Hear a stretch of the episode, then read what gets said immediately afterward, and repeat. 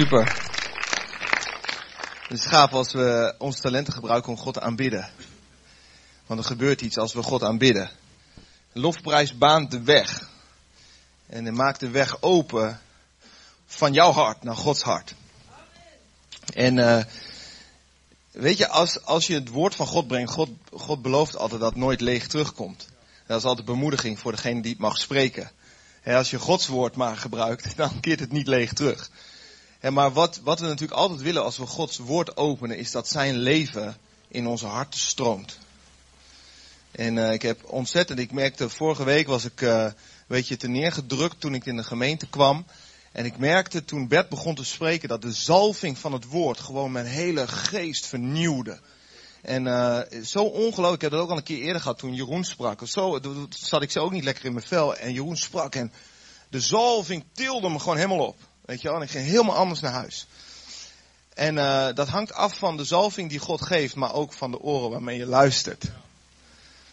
En uh, ik heb de serie van Bert uh, gekocht, waar nog meer onderwijs was over de zalvingen van David. En dat was zo mooi. Op een gegeven moment zei Bert van, ja, als je een prop in je oor hebt, dan zegt de dokter vaak, doe er een beetje olie in eerst. En als het dan echt niet goed gaat, dan komen ze de boel leeghalen. Maar eerst doe er een beetje olie in. Met gezalfde oren luisteren. Dat is een heel ander verhaal. Dan komen dingen binnen. Oké, okay, ik wil eerst met jullie bidden voordat we Gods woord openen. Vader God, het draait allemaal om u, Jezus. Heer, u bent de bron, u bent de oorsprong van het leven en we willen van u, Heer. Heer, alles wat we hier leren van elkaar, van mensen, alle doctrines die er zijn. Heer, de een weet het nog beter dan de ander. Heer, soms worden we zoveel heen en weer geslingerd tussen alle meningen en alle rapporten en alle kennis. Heer, maar we willen zeggen, Heer, u bent de bron van het leven. Zonder u geen leven, Heer. En daarom willen we van u leren, Jezus. Heilige Geest, we nodigen u uit. U was er al natuurlijk, want u belooft dat. Heer, maar we nodigen u uit om een werk in ons hart te doen, Heer. Want we willen u kennen van heel dichtbij. Dat is ons liefste, Heer. Eenmaal uw tegenwoordigheid geproefd, Heer, brengt een verslaving tot stand, Heer. U heeft ons daarvoor gemaakt om u te kennen van dichtbij.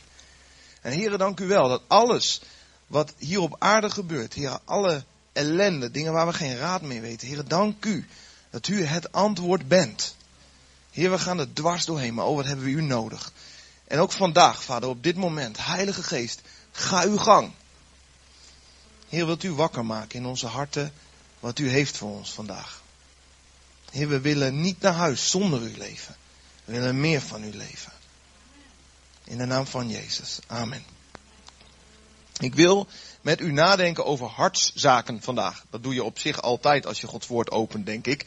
Want God raakt je hart met zijn woord.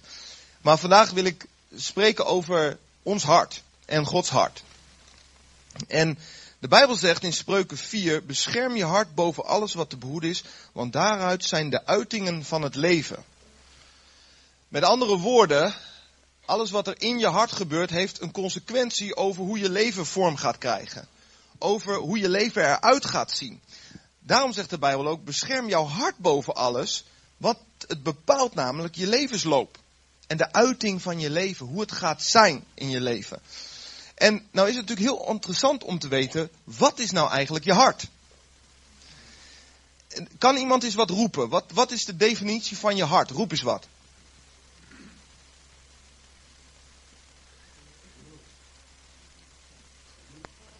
Iets harder? Bloed? Bloedpomp? Lekker medisch. Verder nog? Liefde? Je gevoelens? Je diepste verlangen? Nog meer? Je schat.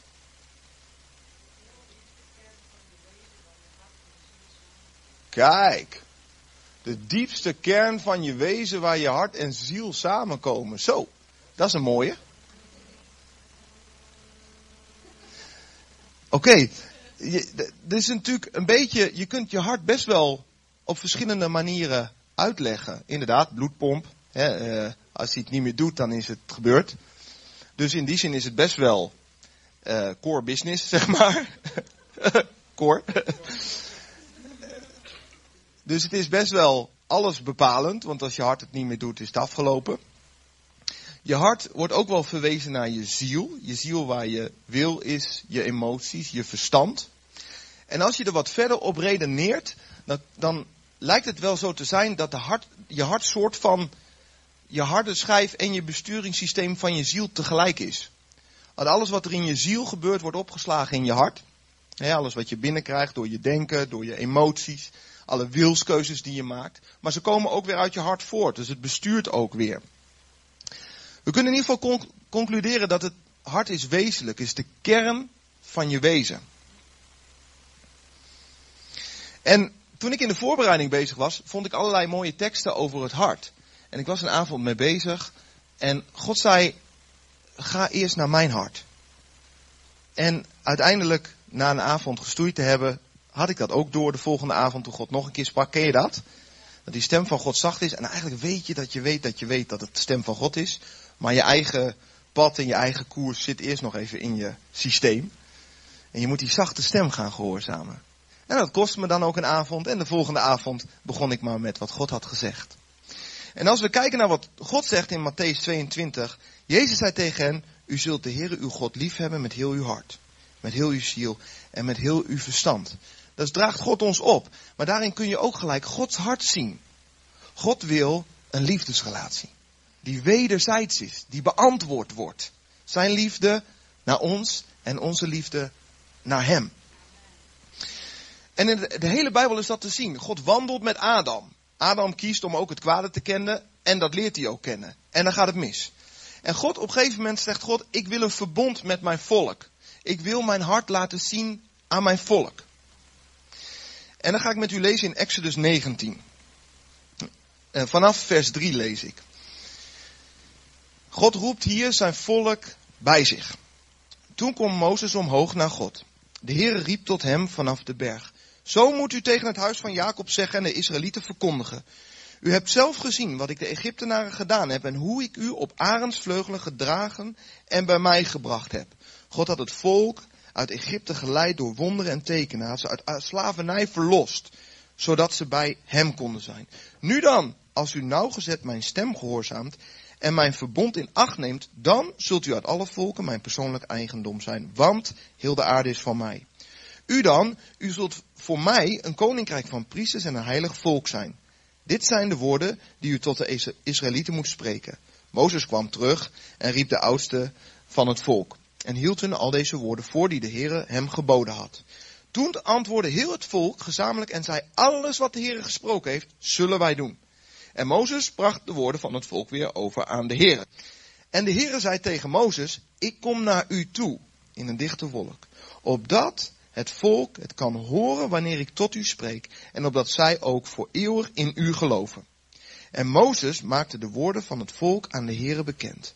En de Heere zei tegen Mozes, ga naar het volk toe, heilig hen vandaag en morgen, en laten zij hun kleren wassen, en over drie dagen gereed zijn. Op de derde dag zal de Heere namelijk voor de ogen van heel het volk neerdalen op de berg Sinaï. Net voordat God zijn hart gaat laten zien in het eerste verbond, de wet, roept God zijn hele volk naar de, naar de berg toe. Zegt, kom voor mijn aangezicht. En je ziet een grappig plaatje, hè? Je ziet Mozes. Mozes gaat naar God toe. Mozes zegt, uh, of God roept Mozes. Mozes gaat naar hem toe. God spreekt met Mozes. Mozes gaat weer terug naar het volk. Dan zeggen de leiders een antwoord tegen Mozes. Gaat Mozes weer terug naar God. En God antwoordt dan, gaat Mozes weer terug naar de leiders.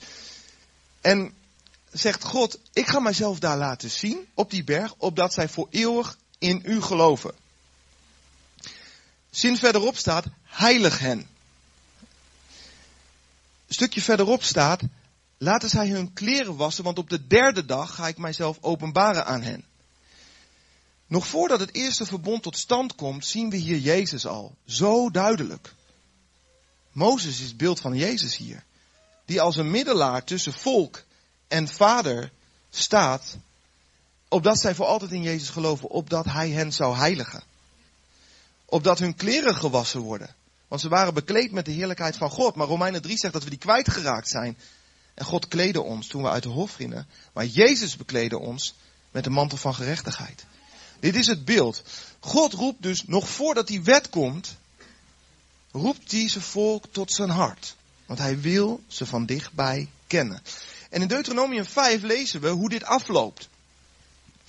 In vers 23. En het gebeurde, dus verhalend achteraf, Deuteronomium. En het gebeurde toen u die stem vanuit het midden van de duisternis hoorde en de berg van vuur branden, dat u naar voren kwam, naar mij toe, al uw stamhoofden en uw oudsten. God begint daar dus te spreken op de berg. Het volk ziet dat. Het volk ziet die wolk en hoort die stem.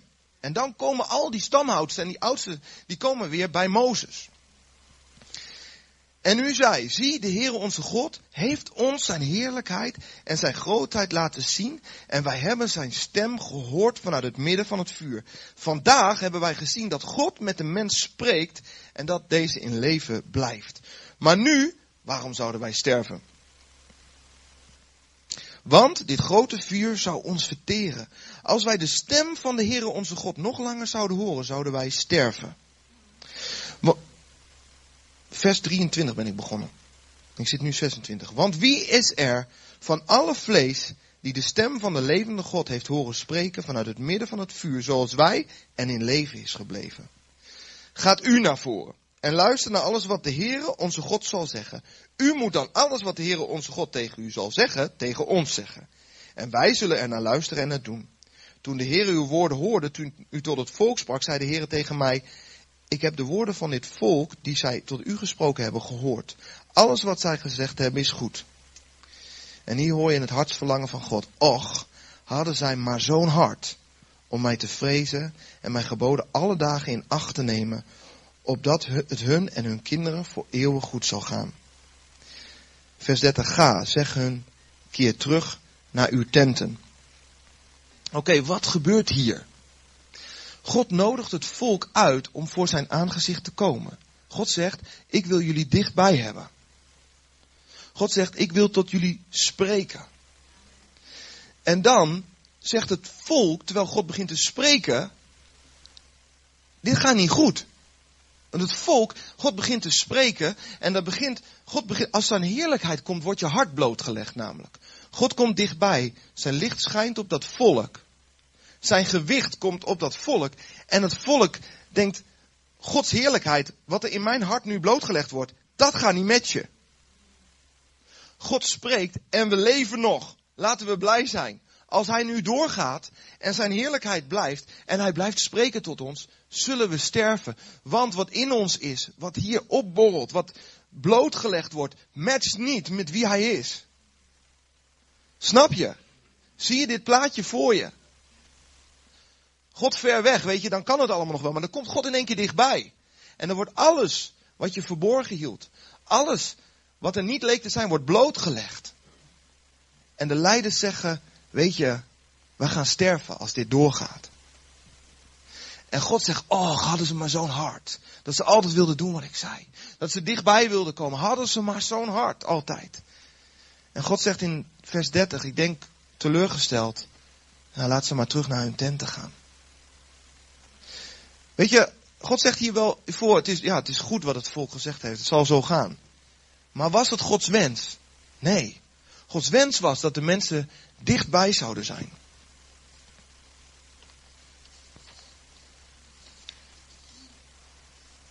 Het volk kan niet dicht bij God blijven omdat ze bang zijn geoordeeld te worden. Ze zijn bang om te gaan sterven als God nog langer blijft spreken. En als je de tweede keer dat God zijn hart bekend maakt, want wij vinden vaak de wet een beetje vies woord, hè? Maar het is Gods hart. Want het eerste gebod zegt, heb de Heere lief met heel je hart. Dat is wat God wil, dat we zijn liefde beantwoorden. Het is in zijn hart. Want hij weet dat het ons goed zal gaan als we die dingen doen die hij zegt. Het is zijn hart. En de tweede keer dat de stenen tafelen gegeven worden, gaat Mozes weer naar God toe en hij komt terug met zo'n glans op zijn gezicht. Weer die heerlijkheid van God. En de mensen kunnen het niet aanzien, want het legt opnieuw bloot wat hun hart is. En dat is niet compatible, dat is niet te matchen met de heerlijkheid van God. Want alles wat zwart is in je hart, wordt opgegeten door dat licht van God. En Mozes moet een doek over zijn gezicht doen Anders kan hij niet spreken met het volk.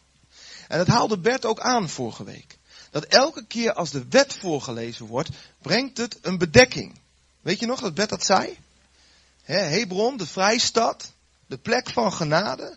En elke keer als we de wet prediken, legt het een bedekking. Welke bedekking is dat dan? Dat is denk ik dezelfde bedekking als die het volk ervoer bij die berg. Ik kom dichtbij Gods heerlijkheid. Gods heerlijkheid schijnt in mijn hart. Het legt iets bloot wat niet compatible is met God. En dat is een, is een muur. Dat is een bedekking. En ik ga terug naar mijn tent, want ik, anders sterf ik. Het niet vol. Het komt niet goed. En de tweede keer is hetzelfde verhaal. De heerlijkheid van God. Mozes moet er een doek overheen doen. Anders dan legt het te veel bloot wat in je hart is. En als het bloot legt wat in je hart is, dan moet je er iets mee. Het enige antwoord op dat moment is oordeel wat ze voelen. Maar gelukkig gaat dat vers verder. 2 Korinthe 3, wat Bert aanhaalde. Ja, tot op heden ligt er wanneer Mozes gelezen wordt een bedekking op hun hart. Maar wanneer het zich bekeert, wordt de bedekking weggenomen. Halleluja. Want dat is waar God ons voor maakte, om in zijn heerlijkheid te zijn. Om met hem te leven. Dichtbij, zonder afstand. Dat is wat God wil. Maar heel veel mensen denken dat dat niet zo is. Ze vluchten weg van God, willen niet bij God horen. En als ze met God te maken heeft, dan komt die bedekking. Want ze worden bang geoordeeld te worden. Maar als je, je hart, als je hart zich bekeert en naar God toedraait en open gaat zeggen, Heer, hier is het, zoals u er nu op schijnt. Alsjeblieft, vergeef mij. De bedekking wordt weggenomen en je mag vrij tot God gaan. En dat zegt vers 17 ook. De Heer nu is geest. En waar de geest van de Heer is, is vrijheid. En die tekst wordt zo vaak misbruikt. Maar welke vrijheid bedoelt hij? Hij bedoelt de vrijheid om in te gaan tot in Gods heerlijkheid. Om jouw hart afgestemd te hebben op zijn hart. Om die liefde die hij jou geeft te beantwoorden met jouw liefde. Die vrijheid is er. Je hoeft je niet meer te verstoppen. Want God wil je in het volle licht zien. Die vrijheid praten we over. Wij allen die met onbedekt gezicht de heerlijkheid van de Heer als in een spiegel aanschouwen, worden van gedaante veranderd. Naar hetzelfde beeld van heerlijkheid tot heerlijkheid. Zoals dit door de geest van de Heer bewerkt wordt. Oké, wie is die spiegel waar we in kijken? Jezus. We zien de heerlijkheid van God als in een spiegel als in Jezus. En als wij naar Hem blijven kijken, dus niet weggaan en weer naar onze tent gaan. Nee, als we bij Hem blijven kijken, verandert Hij ons van heerlijkheid tot heerlijkheid. Dit is een keuzemoment voor ons. God legt bloot wat er in ons hart is. De vraag is, wat ga je doen? Ga je je hart naar Hem toekeren en kijken naar Jezus? Of ga je terug naar je tent? Omdat je bang bent dood te gaan. En veroordeeld te worden. Dit is Gods hart. Het zit achter de mens aan. Alleen de mens heeft een eigen keuze. Dat is de liefde van God. Als Jezus komt, zegt hij in Lucas 4, en dat is een heel mooi stukje. Jullie mogen vast Jesaja 61 opzoeken. ga ik zo meteen vragen aan iemand om te lezen. Lucas 4, vers 18, dat lees ik wel even. Kunnen jullie Jesaja 61 opzoeken. Jezus zegt, de geest van de Heer is op mij omdat hij mij gezalfd heeft. De gezalfde Jezus. Hij heeft mij gezonden om aan armen het evangelie, het goede nieuws, te verkondigen. Om te genezen wie gebroken van hart zijn. Oké, laten we eerlijk zijn. De zonde, alle rottigheid, ellende, ziekte, butsen in je ziel. Het heeft ons hart geraakt. Er is Kijk, er wordt hier gesproken alle die gebroken van hart zijn. Maar ik denk dat er niemand in de zaal zit die niet gebroken van hart is. De vraag is of je het bij God brengt en hem laat genezen. Of dat je rond blijft lopen met een gebroken hart. Maar Jezus is gekomen voor de gebrokenen van hart. Om aan de gevangenen vrijlating te prediken. En aan de blinden het gezichtsvermogen om verslagenen weg te zenden in vrijheid om het jaar van het welbehagen van de Heere te prediken. Oké, Jesaja 61. Wat laat Jezus hier weg?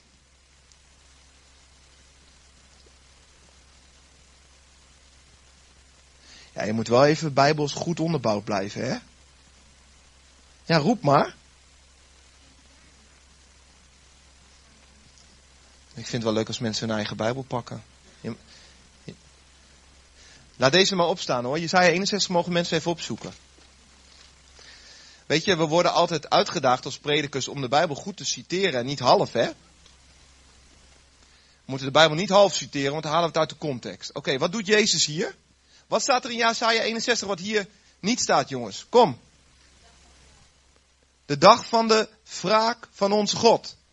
Zien jullie het? Kijk eens even in je Bijbel. Heeft iedereen het gezien? Is iedereen wakker? Oké. Vers 2 heb ik al gezegd. Jesaja 61, vers 2. Jezus citeert de Bijbel half. Ontmaskerd. Prediker die uit de context citeert. Waarom is dat? Amen. Geldt niet meer in een nieuw verbond, zegt hier iemand. Het is vervuld. Oké. Oké, dus Jezus, die predikt hier al en die zegt, om aan de gevangenen de vrijlating te prediken en binnen het gezichtsmogen om verslagenen weg te zenden in vrijheid. Ga jongens, in vrijheid. En ga verkondigen het jaar van de welbehagen van God. Waar Hij plezier in heeft. En de wraak van onze God hoeven we niet te verkondigen. Want de wraak van onze God is door Jezus gedragen. De schuld, alle schuld, alle wraak van God is op Hem geladen. Dus Hij verkondigt dat niet meer. We mogen de vrijheid verkondigen. Oké, conclusie. Gods hart was het aan alle kanten al om ons lief te hebben. Zijn hart jaagde ons al na. Zijn hart bij het eerste verbond haalde hij ons al dichtbij. Ja? Nu Jezus komt, zien we opnieuw dat Jezus zegt, kom bij mij, ik wil je vrijmaken en ik stuur je weg om te verkondigen dat er geen wraak van God meer is. Kunnen we concluderen dat het van Gods kant opgelost is? Het liefdesprobleem. De harten die elkaar niet meer kunnen beantwoorden. De mensen die niet in die heerlijkheid kan zijn. Van Gods kant opgelost. Dan blijft er maar één kant over. En dat is jouw kant. Want God heeft ons een wil gegeven. En Hij heeft het in orde gemaakt. Zijn kant van de relatie is verzoend. Alleen wij hebben ook een kant. Daarom ligt de waarde van een relatie is altijd tweeledig. De een kan een keus maken, maar de ander moet ook een keus maken.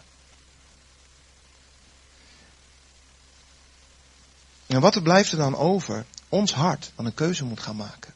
Als Gods heerlijkheid komt en op ons hart schijnt, wordt blootgelegd wat er echt in ons hart is. Dan is de vraag, wat ga je ermee doen? Ga je je veroordeeld voelen en ga je in je tent schuilen? Of geloof je wat God gezegd heeft en ga je je hart openstellen? Psalm 101 zegt, wie hoogmoedige ogen heeft en een trots hart, hem zal ik niet verdragen, zegt God. Dus als jij je hart verhardt en je blijft trots en zegt, ja, het zit er wel, maar uh, ik hou het nog even lekker hier. Dan zegt God, ik kan je niet verdragen.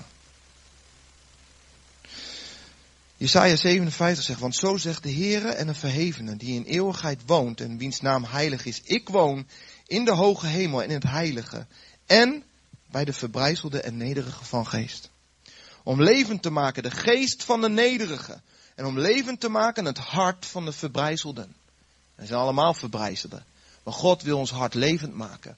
Maar de vraag is, ben je nederig genoeg om toe te geven dat wat er toch al is?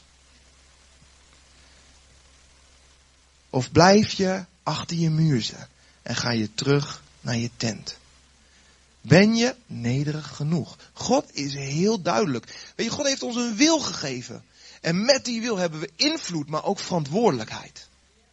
Wij zijn machtig hoor. Moet je kijken wat we een ander aan kunnen doen. Positief en negatief. Wij zijn echt machtig, want we lijken op God. Dus gaat God niet voorbij aan ons. Maar God zegt wel, als jij trots wordt en je hart verhardt. Ik kan er niks mee. De weg van het koninkrijk is nederigheid. Ze heren, ja, het is waar wat nu zichtbaar wordt in mijn hart. Het is waar. Ik heb nodig dat u mij vergeeft. Alsjeblieft, want ik wil die band weer hersteld. Je kunt ook trots worden. Zeggen, ja heer, ik kan daar niks mee te maken hebben. Want het matcht niet met mij. Ik ga terug naar mijn tent. Bescherm je hart boven alles wat er te behoeden is. Want daaruit is de oorsprong van het leven, zegt de Bijbel. Niet voor niks. Je hart is zo kostbaar en waardevol. En Jezus gaat daar op een andere manier mee om hè, dan wij soms. Wij beuken soms op elkaars hart. Maar Jezus zegt, zie ik sta aan de deur en ik klop. Als je voor mij open doet, wil ik maaltijd met je houden. Je hart, je, jou, jouw hart is een gesloten tuin. Een locked garden. Misty Edwards zingt daar zo prachtig over. Ja, uit Hooglied. Alleen, de deur van je hart, die bewaak jij. En Jezus vraagt, wil je hem open doen? Dan kan ik binnenkomen daar. En al die dingen, al die gebrokenheid die jij hebt.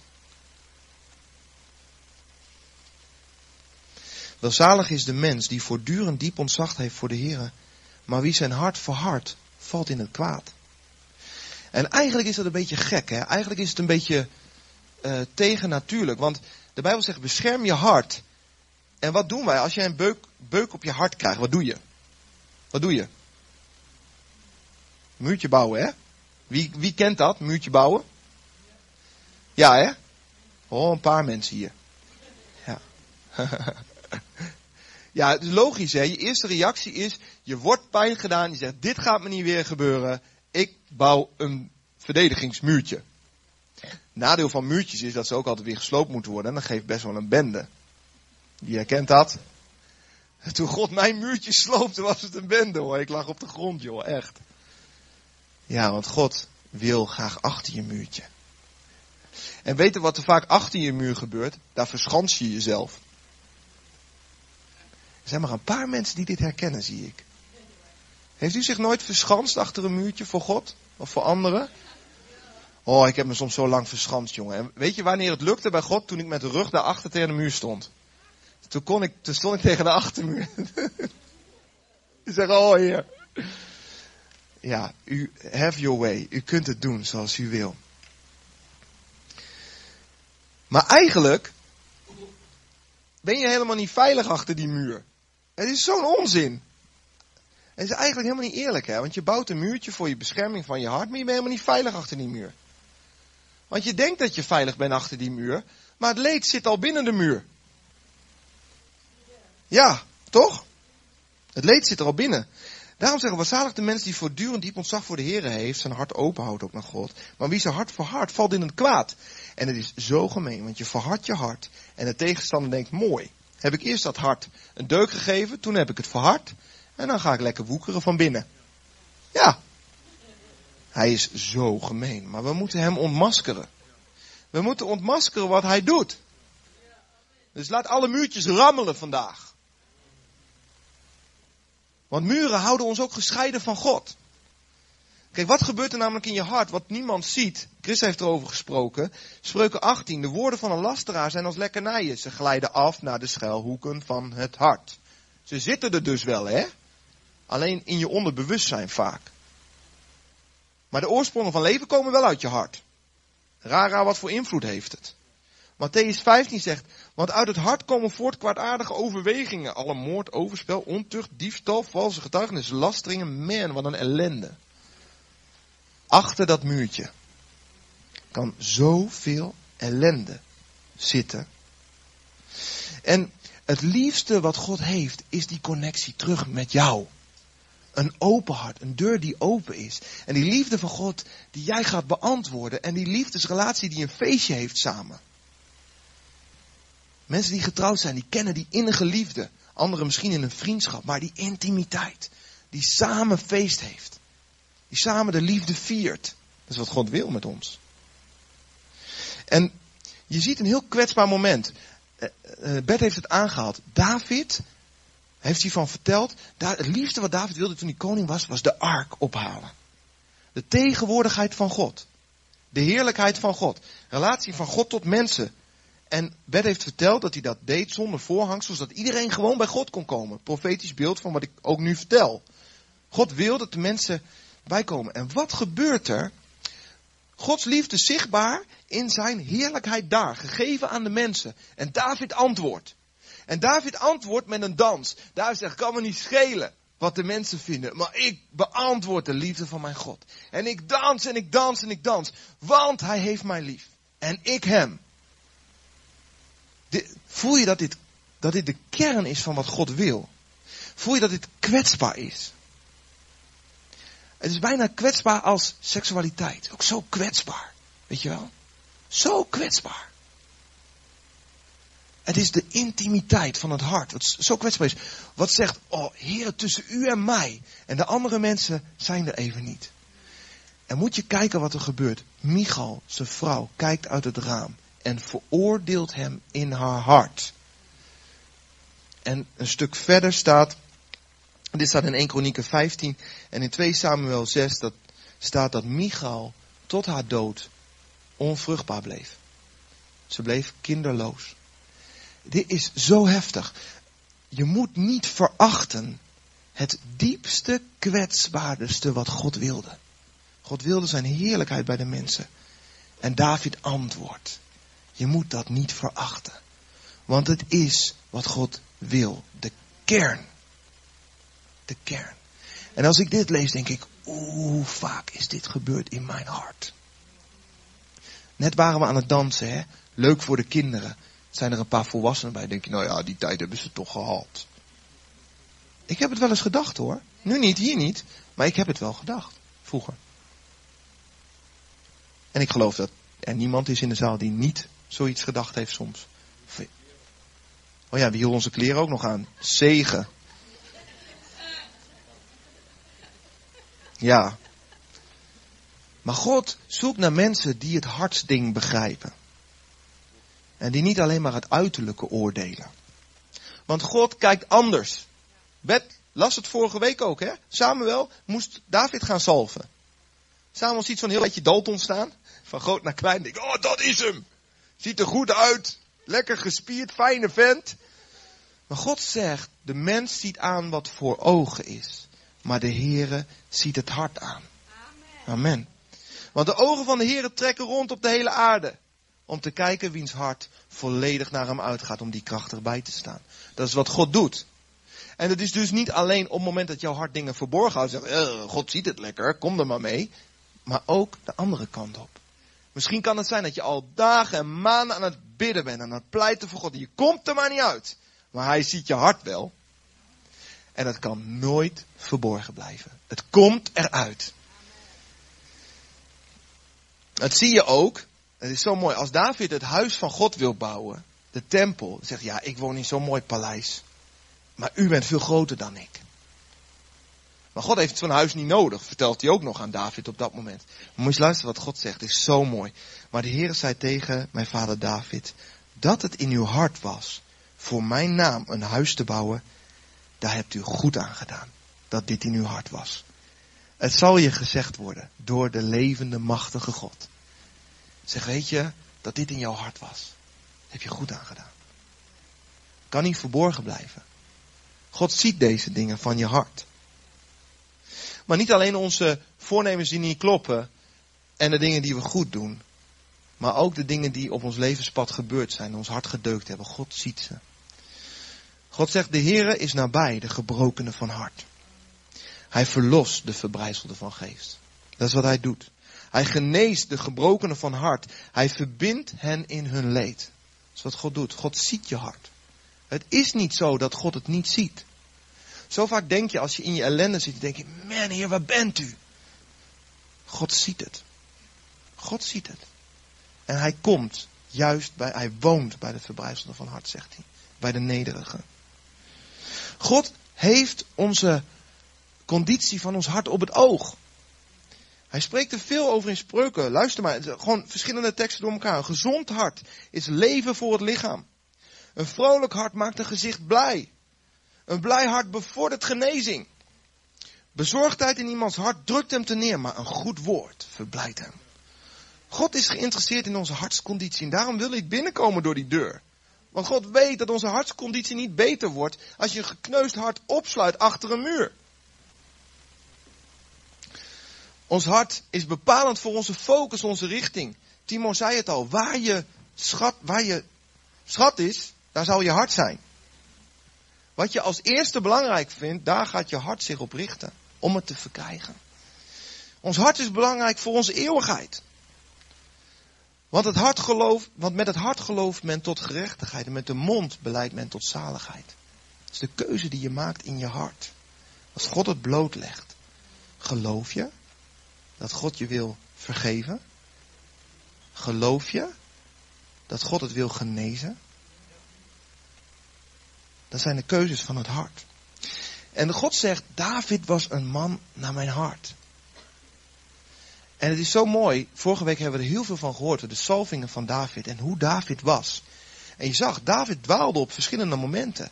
God had iets gezegd, maar hij ging de andere kant op. Dan heeft hij nog niet eens de echte toonaansprekende zonde van David genoemd. Die we altijd noemen, zijn overspel en zijn moord. Was een man naar Gods hart. Waarom? Waarom was hij nou een man van Gods hart? Als je de psalmen leest, het heeft alles te maken met jouw hart, transparant voor Gods hart. Het is zo belangrijk, mensen, dat we dit beseffen. Want onze harten zijn vaak zo ingekapseld voor God. Maar God wil die openheid. En je ziet als David belaagd wordt, zegt de Heere red me. Ze hebben het weer op me voorzien. Heere wanneer? Wordt u nou eens wakker? Heere wanneer gaat u mij redden? Hoe lang nog? Moet ik te vergeefs zeggen? Het is een hartekreet. Een harteroep. Zeg Heere, en God houdt zo van die afhankelijkheid, want wij zijn zo afhankelijk van God. Dat is al een feit. Alleen de vraag is of jij het ook toegeeft. Ja, het is al een feit. Alleen het wordt pas werkelijkheid in jouw leven als jij het ook toegeeft.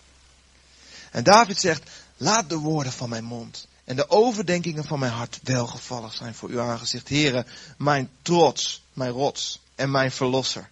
Beproef mij, heren. Ja, stel mij op de proef. Toets mijn nieren, toets mijn hart. Mijn hart zegt tegen u wat u zelf zegt.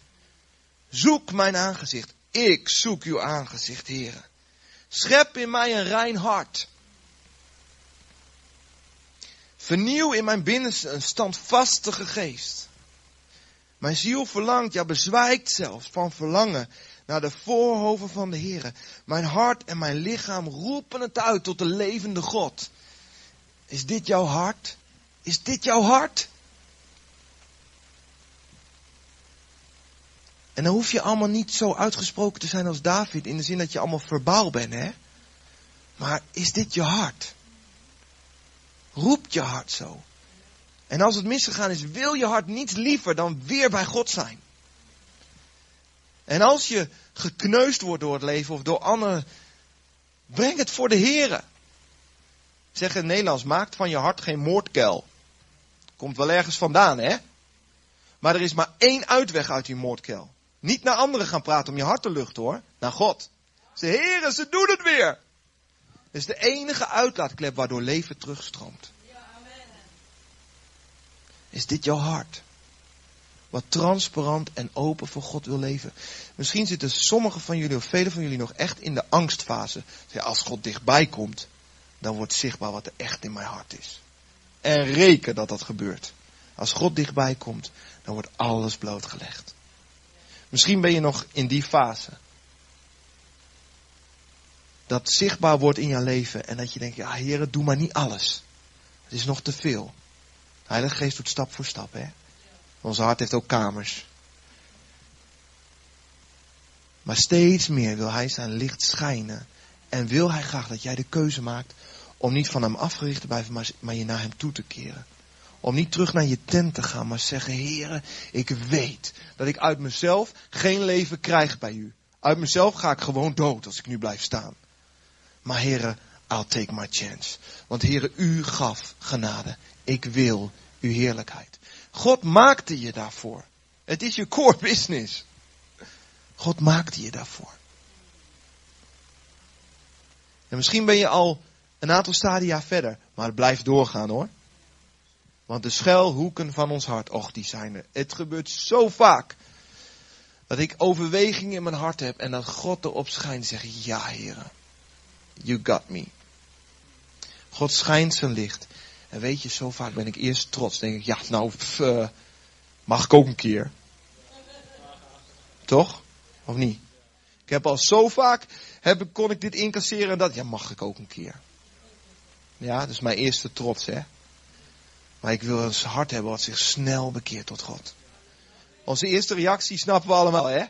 Maar de tweede instantie, die is belangrijk. Ze heren, ja, u heeft gelijk. Mijn hart keert zich tot u. Vergeef mij, heren, mijn oordeel. Oh, je moest eens weten als je mijn hart blootlegt. Je moest eens weten. Wat bepalend is mijn hartskeuze.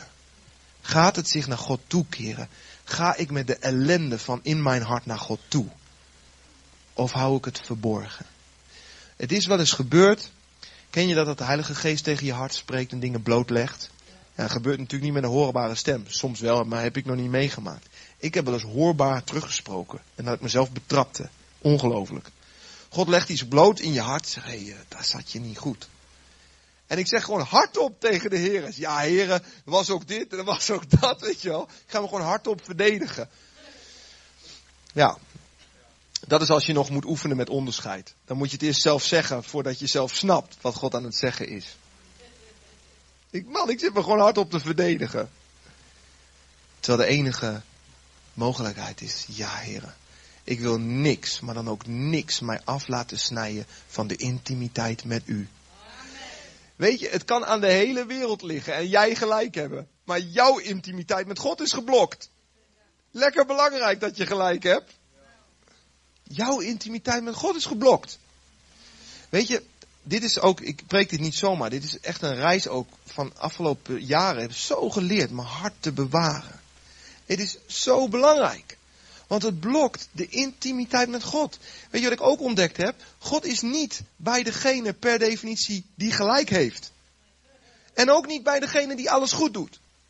God zegt, mijn hart, ik kijk de hele aarde rond om te zien wiens hele hart naar mij uitgaat. Ik heb Gods mannen en Gods vrouwen gezien, wiens hele hart naar God uitging en die ook fouten maakten. En ze werden gewoon gelyncht als je op internet Bert de Haan gaat googlen. Oh jongen, hij wordt gewoon gelinst. Maar wat een man van God. Wat een hart om God te dienen. Weet je wel? En zo kan ik nog andere voorbeelden noemen. Van Gods mannen en vrouwen. Wiens hart opgezet is om God te dienen. En die onderweg fouten maken en ze worden gelinst. Het heeft mij wel voorzichtig gemaakt om een oordeel te hebben. Echt. Want zij gaan wel door, maar het raakt ze ook. Hè? Het zijn ook gewoon mensen.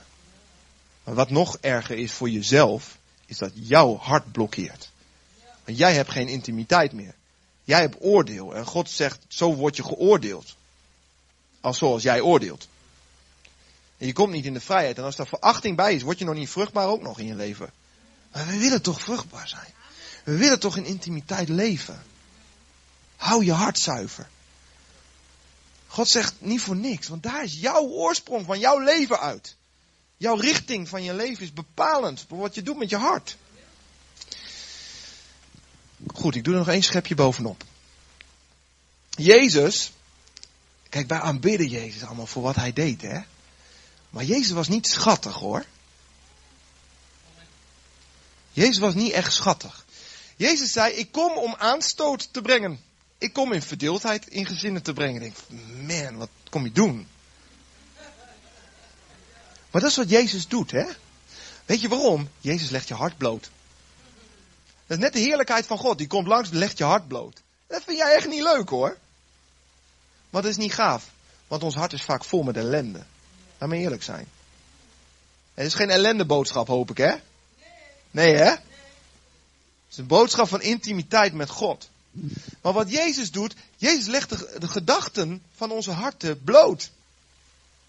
Wij denken dat Jezus heel liefdevol en schattig en pastoraal is. Nou.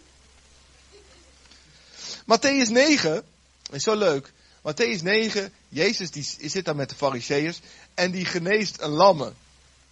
En die zegt, je zonden zijn je vergeven. En dan zeggen die, de fariseeërs in hun hart, dat kan hij toch niet maken.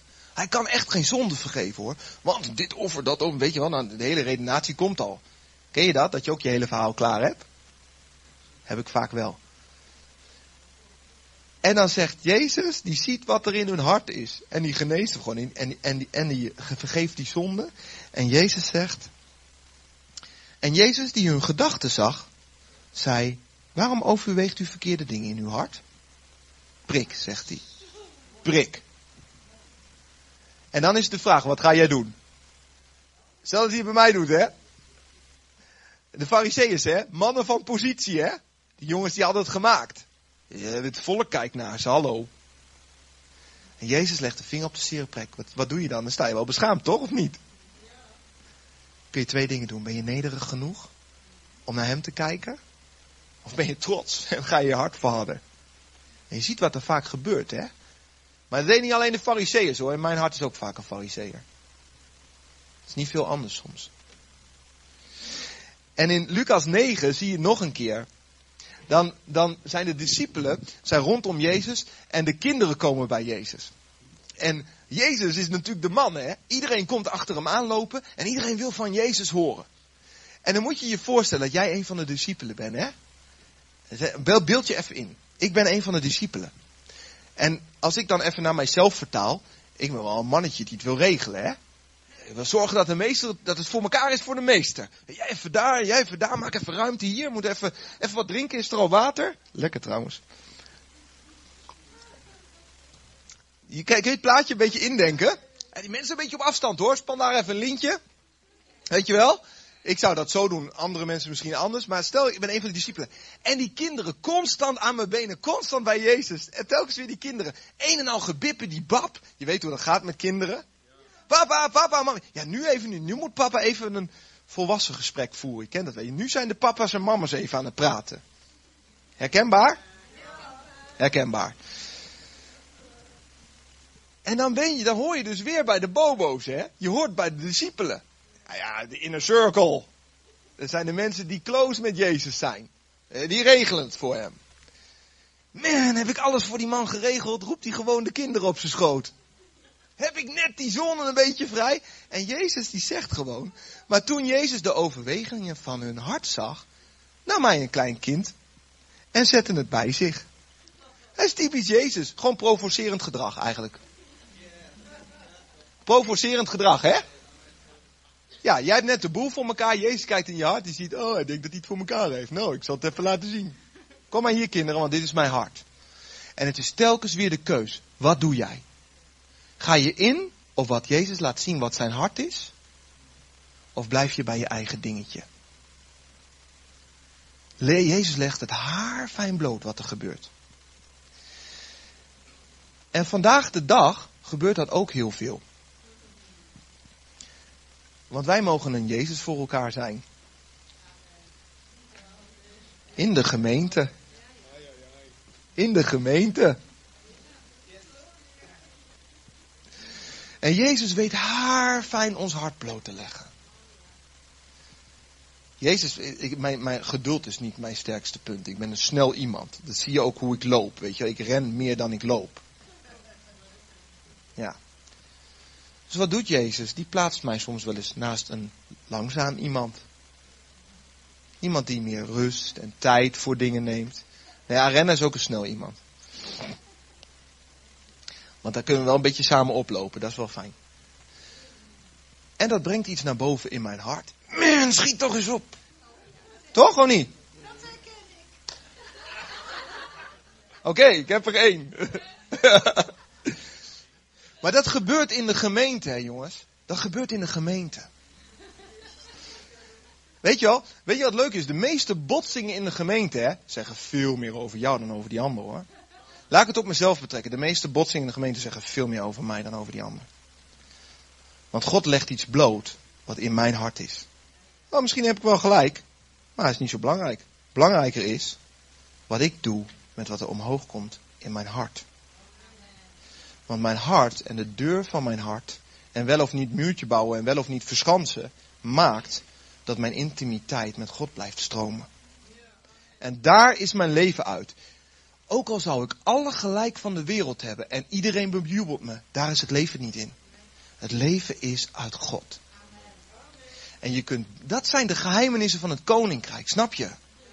Maar ze zijn zo anders dan onze waarden en normen. Toch?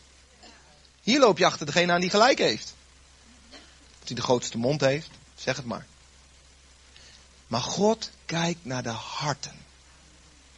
En voor God is bepalend als je geschaafd wordt aan een broer of zus. Let op. God heeft een weg met jou. Hij laat het niet voor niks gebeuren. God heeft een plan met jou in jouw karaktertraining. En daarom komt het naar boven in je hart. En God kijkt gespannen toe. Wat ga je doen? Ga je terug naar je tent of kom je in mijn heerlijkheid? Het is bepalend, mensen, voor ons leven. Het is bepalend wat we doen. En daarnaast ook nog eens bepalend wat er op hier op aarde gebeurt. Daar heb ik het nog helemaal niet over. Het is zo bepalend. Dat ons hart zuiver houden. En het is niet makkelijk. Het vergt veel, veel, veel nederigheid. Echt. Telkens weer te durven zeggen, ja heren, ik net zo. Niet die fariseeërs of die lui of die, ik net zo. Ja. Amen. Victor, wil je komen en spelen? Pianist. Applausje voor het woord. Dank jullie wel. Maak me niet verlegen. Oké, wat veel belangrijker is, is wat gebeurt er in jouw hart? Ook tijdens dit woord. En ik geloof dat God zijn woord niet voor niks geeft. Eh, God geeft zijn woord zodat de dingen wakker gemaakt worden in ons hart. Amen? Oké. God legt dingen bloot. Ook onder het woord legt God dingen bloot in ons hart. God legt dingen die gebeurd zijn bloot, maar misschien ook wat dingen waarvan je hart zeer hebt. God legt ze bloot en God zegt, kom in mijn intimiteit vandaag. Goed, God roept ons niet om alleen maar onderwijs hierover te hebben. Want dan zit het in je hoofd, het moet naar je hart. En dat is, dat is denk ik wat God wil doen vandaag. God wil de dingen die in ons hart verborgen waren, die wil, hij wil graag daar deelgenoot van zijn. Hij wil graag dat je die deur openzet. En dat je ze gaat delen. Dat je ze gaat geven. Ook je verdriet. Ook je gebrokenheid. God zegt, ik wil daar wonen in een verbrijzeld hart. Als je nederig genoeg bent om de deur voor mij te willen openen. Ik heb Victor gevraagd om wat te gaan spelen en ik geloof dat de Heilige Geest ons dingen wil laten zien. Gewoon terwijl de muziek speelt. Gewoon terwijl we als Gods huisgezin bij elkaar zijn. Voor ieder persoonlijk. En ik wil jullie vragen. Luister met gezalfde oren. Niet alleen naar dit woord. Maar ook naar wat de Heilige Geest al gezegd heeft. Maar ook wat hij nu nog extra gaat zeggen. Neem eerst een moment de tijd om aangesproken te worden door Gods Geest. En wil je dan vragen om uh, eens naar je buurman of buurvrouw te draaien en met elkaar in gebed te brengen. Als God hele, hele delicate en moeilijke dingen naar voren brengt, moet je misschien kijken met wie je dat moet delen. Maar de Bijbel zegt, weet je, beleid elkaar de dingen. Vertel het, breng het in de openheid. En ik denk dat het goed is dat we dit gaan doen. Dus terwijl de muziek speelt, vraagt de Heilige Geest, Heer, wat wilt u laten zien in mijn hart? En als je zover bent, draai je eens om naar je buurman en buurvrouw. En breng het samen bij God. Wat God naar boven heeft gebracht in je hart.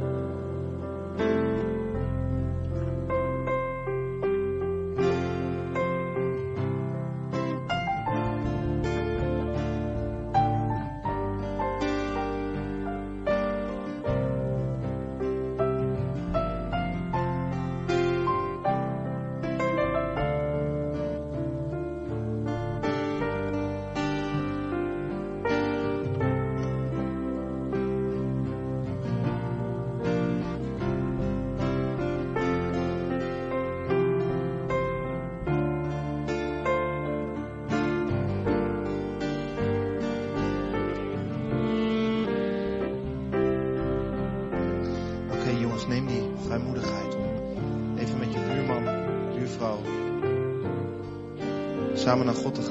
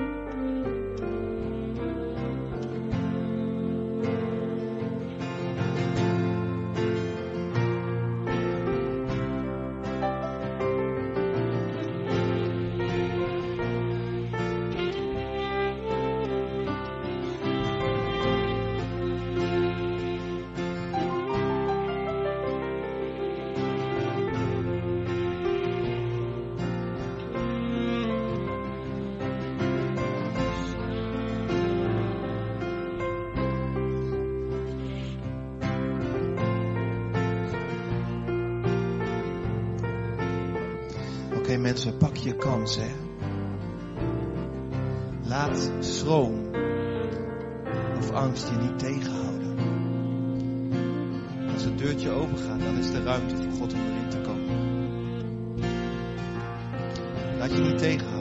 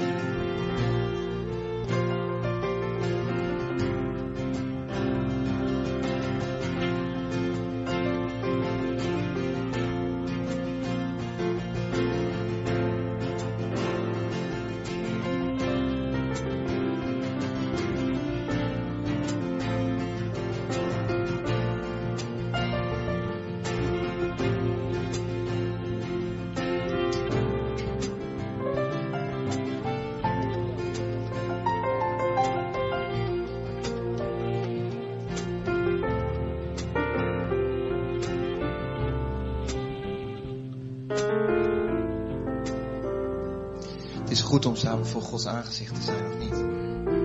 Ik zie sommigen willen nog veel langer door. Ga gewoon lekker door met bidden. Stoor je niet aan mijn woorden. Vader God, Heer, we willen als een, als een volk, Heer, als een, als een bruid van U voor uw troon komen. En Heer, we willen dat U ons hartverlangen hoort. We willen dat U het weet, Heer. U ziet het al lang, maar ik wil dat U het weet, dat U het gehoord heeft uit onze monden, Heer. Wij willen u. Vader God, wij willen uw leven. Jezus, we willen uw leven. Heilige Geest, we willen uw kracht. We willen uw intimiteit. We willen nooit wegrennen voor uw heerlijkheid. We willen erin rennen, Heer. En er nooit meer uitgaan, Heer. O Vader, Heer, maak ons hart zo nederig, Heer, dat het lukt, Heer. Dat we in die heerlijkheid kunnen zijn, Heer. In ja, naam van Jezus, Vader, ik bid, Heilige Geest, Wilt u onze muurtjes afbreken? Wil u blijven kloppen, Jezus, zodat we telkens weer open doen? Laat ons een volk zijn, Heer, wat uw hart kent. Laat ons een volk zijn wat u van dichtbij kent. Wat u intiem kent, Vader. Zodat velen gaan zien wie u bent. Laat onze harten getransformeerd worden, veranderd worden naar uw beeld.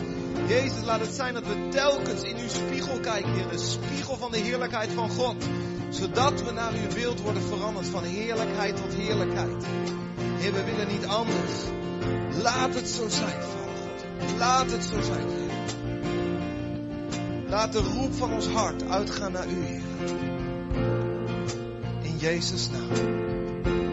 Amen. Laat het zo zijn. Gaan het dienst zo afsluiten. We kunnen ons voorstellen dat de Heilige Geest dingen naar boven heeft gebracht waar je zegt van nou daar wil ik even over napraten. Die mogelijkheid is er na de dienst. Ik zal, daar, ik zal hier wel zijn en een van de bidders zal hier ook nog wel zijn om dingen door te bidden met u. En ik wil vragen, zijn er mensen vandaag die zeggen ja, die Jezus wil ik voor het eerst aannemen in mijn leven. Voor het eerst wil ik in die heerlijkheid gaan. Ik wil mijn schaamte niet langer bedekken, maar hier ben ik. Als die mensen er zijn, kom alsjeblieft naar me toe. Laat deze dag niet voorbij gaan. Zonder dat je het in orde hebt gemaakt met God. Ik wens u een goede week. Ga met God. En hou je hart open voor Hem. Laten we samen zingen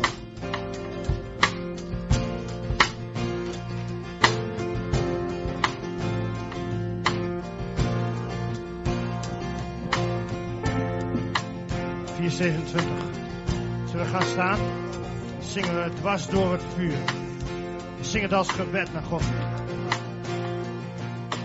Dwars door het vuur. Maakt u mij rein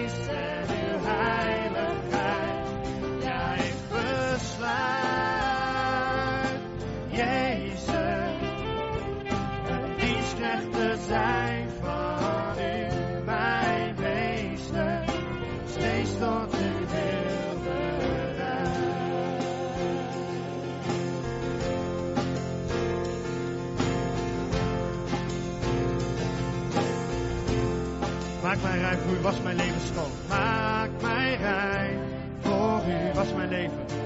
Was mijn leven